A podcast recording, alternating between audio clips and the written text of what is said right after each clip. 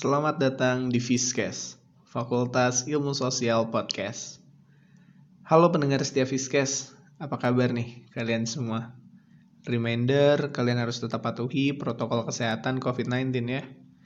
Saya Laksamana Pramana Agung dari Kementerian Advokasi dan Aksi Propaganda akan membawakan Fiskes pada kali ini.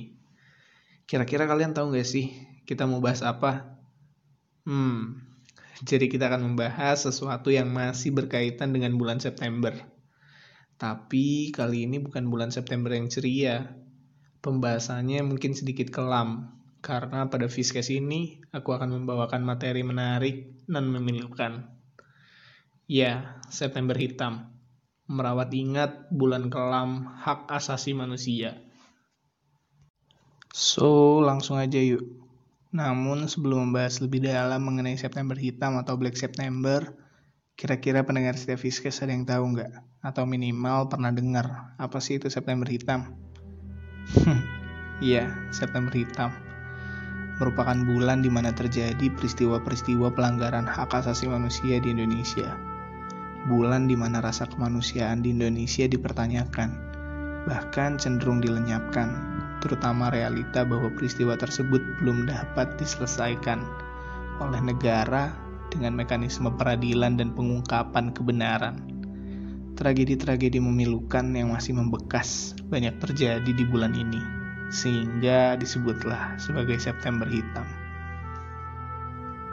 Oke pendengar setia Fiskes, peristiwa pertama adalah tragedi tahun 1965 hingga 1966 Tragedi ini terjadi setelah peristiwa G30S pada akhir bulan September tahun 1965. Pada tragedi tersebut terjadi pelanggaran HAM berat bagi mereka yang dituduh sebagai anggota atau simpatisan Partai Komunis Indonesia. Pada saat itu negara seperti melegalkan pembunuhan massal. Pasalnya lebih dari 2 juta orang mengalami penangkapan sewenang-wenang, penahanan tanpa proses hukum, wajib lapor, kekerasan seksual, pemerkosaan, kerja paksa bahkan penyiksaan pembunuhan, penghilangan paksa, dan sebagainya.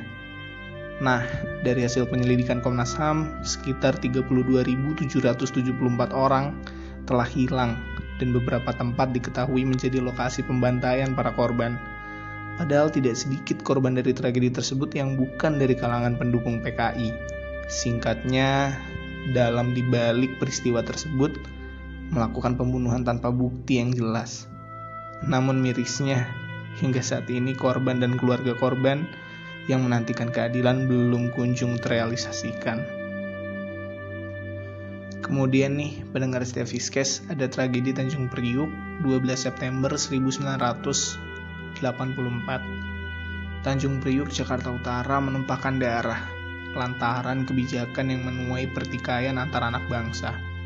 Peristiwa berdarah ini dipicu lantaran penerapan kebijakan asas tunggal Pancasila aparat rezim Orde Baru yang dinilai tidak menghargai kaum muslim memicu kemarahan warga yang berujung pada aksi pelanggaran HAM dengan mengatasnamakan Pancasila. Melalui aksi bentrok masa muslim dengan aparat berujung penembakan brutal.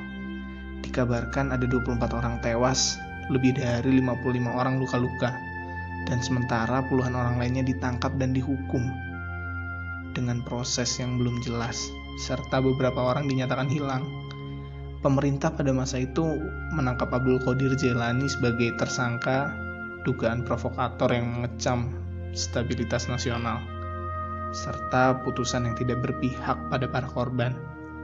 Hingga saat ini tragedi Tanjung Priuk juga belum tuntas oleh pemerintah dan terkesan mengesampingkan kasus tersebut. Selanjutnya nih, pendengar setia Fiskes, ada tragedi Semanggi II tanggal 24 September 1999 22 tahun lalu, peristiwa berdarah tragedi Semanggi II menorehkan duka atas pelanggaran HAM di Indonesia. Aksi ini dimulai dari mahasiswa dan masyarakat yang menentang RUU penanggulangan keadaan bahaya dan tuntutan mencabut fungsi ABRI.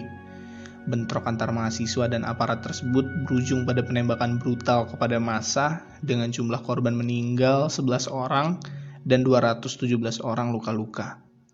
Pada saat itu pemerintah lagi-lagi menganggapnya bukan sebuah pelanggaran HAM tanpa melanjutkan proses hukum yang jelas. Bahkan hingga hari ini, keluarga korban beserta aktivis HAM masih memperjuangkan keadilan HAM dengan mengajukan kasasi. Gimana nih pendengar setia Fiskes?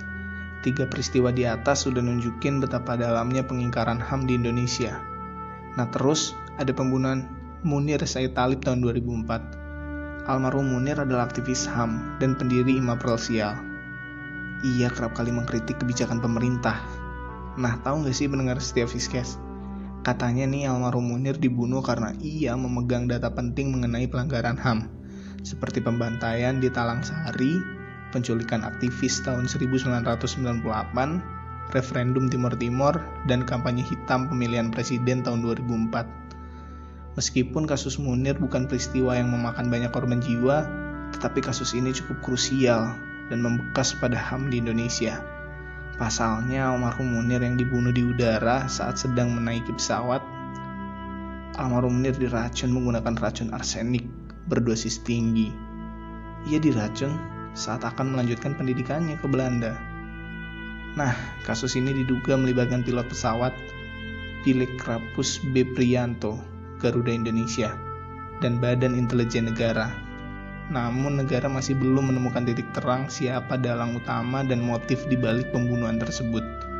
Sebaliknya, Munir akan tetap ada dan berlipat ganda. Lalu ada wafatnya Salim Kancil tahun 2015. Salim Kancil memang hanya seorang petani sekaligus aktivis lingkungan, tetapi dengan tekad dan keberaniannya, ia menolak keberadaan tambang ilegal di tanah rakyat, Lumajang, Jawa Timur. Namun penolakan Salim Kancil membuat Kades Selok Awa-Awar mengirim 30-40 preman dengan kayu, batu, dan celurit untuk menganiaya dan menghabisi nyawa Tosan dan Salim. Tosan selamat, tidak dengan Salim.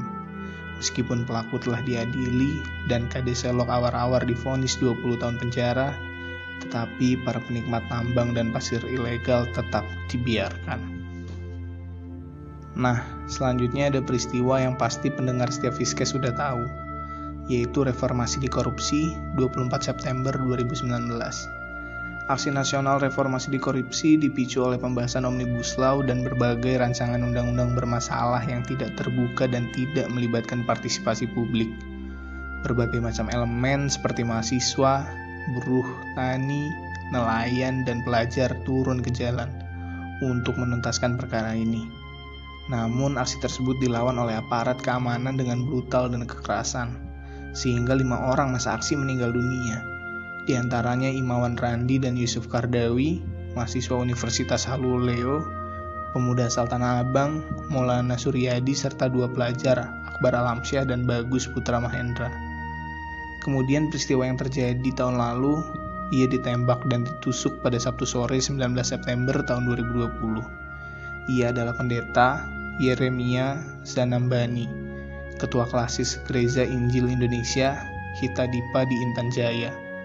Komnas HAM menyimpulkan bahwa Yeremia ditembak oleh anggota Tentara Nasional Indonesia dan Wakil Komandan Rayon Militer Hitadipa, Alpius Hasimadi.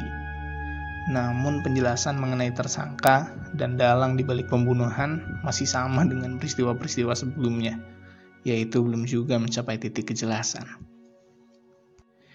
Oke pendengar setia Fiskes, seluruh peristiwa dan tragedi bersumber dari Kontras, Kompas ID, CNN Indonesia, dan Tirto.id. Sepertinya memang negara gemar sekali bermain-main dengan hak asasi manusia ya. Seluruh peristiwa dan tragedi yang tadi udah aku bacain, kalian dapat menyimpulkan betapa kelam September hitam ini, di mana kasus pembunuhan, penganiayaan, dan penghilangan secara paksa belum menemukan jawaban kebenaran dan keadilan. Seolah-olah hal tersebut hanya dianggap angin lalu dan janji kampanye yang hingga saat ini belum menemukan titik terang. Nah, itulah September Hitam pada Fiskes kita kali ini. Aku berharap dengan Fiskes kali ini, kalian jadi mengetahui sejarah pilu September Hitam dan bersama-sama menuntut keadilan atas hak asasi manusia di Indonesia agar kepiluan soal HAM ini dapat dituntaskan dan HAM yang akan datang dapat terjamin bagi seluruh warga negara Indonesia. Sampai jumpa di Fiskes selanjutnya ya.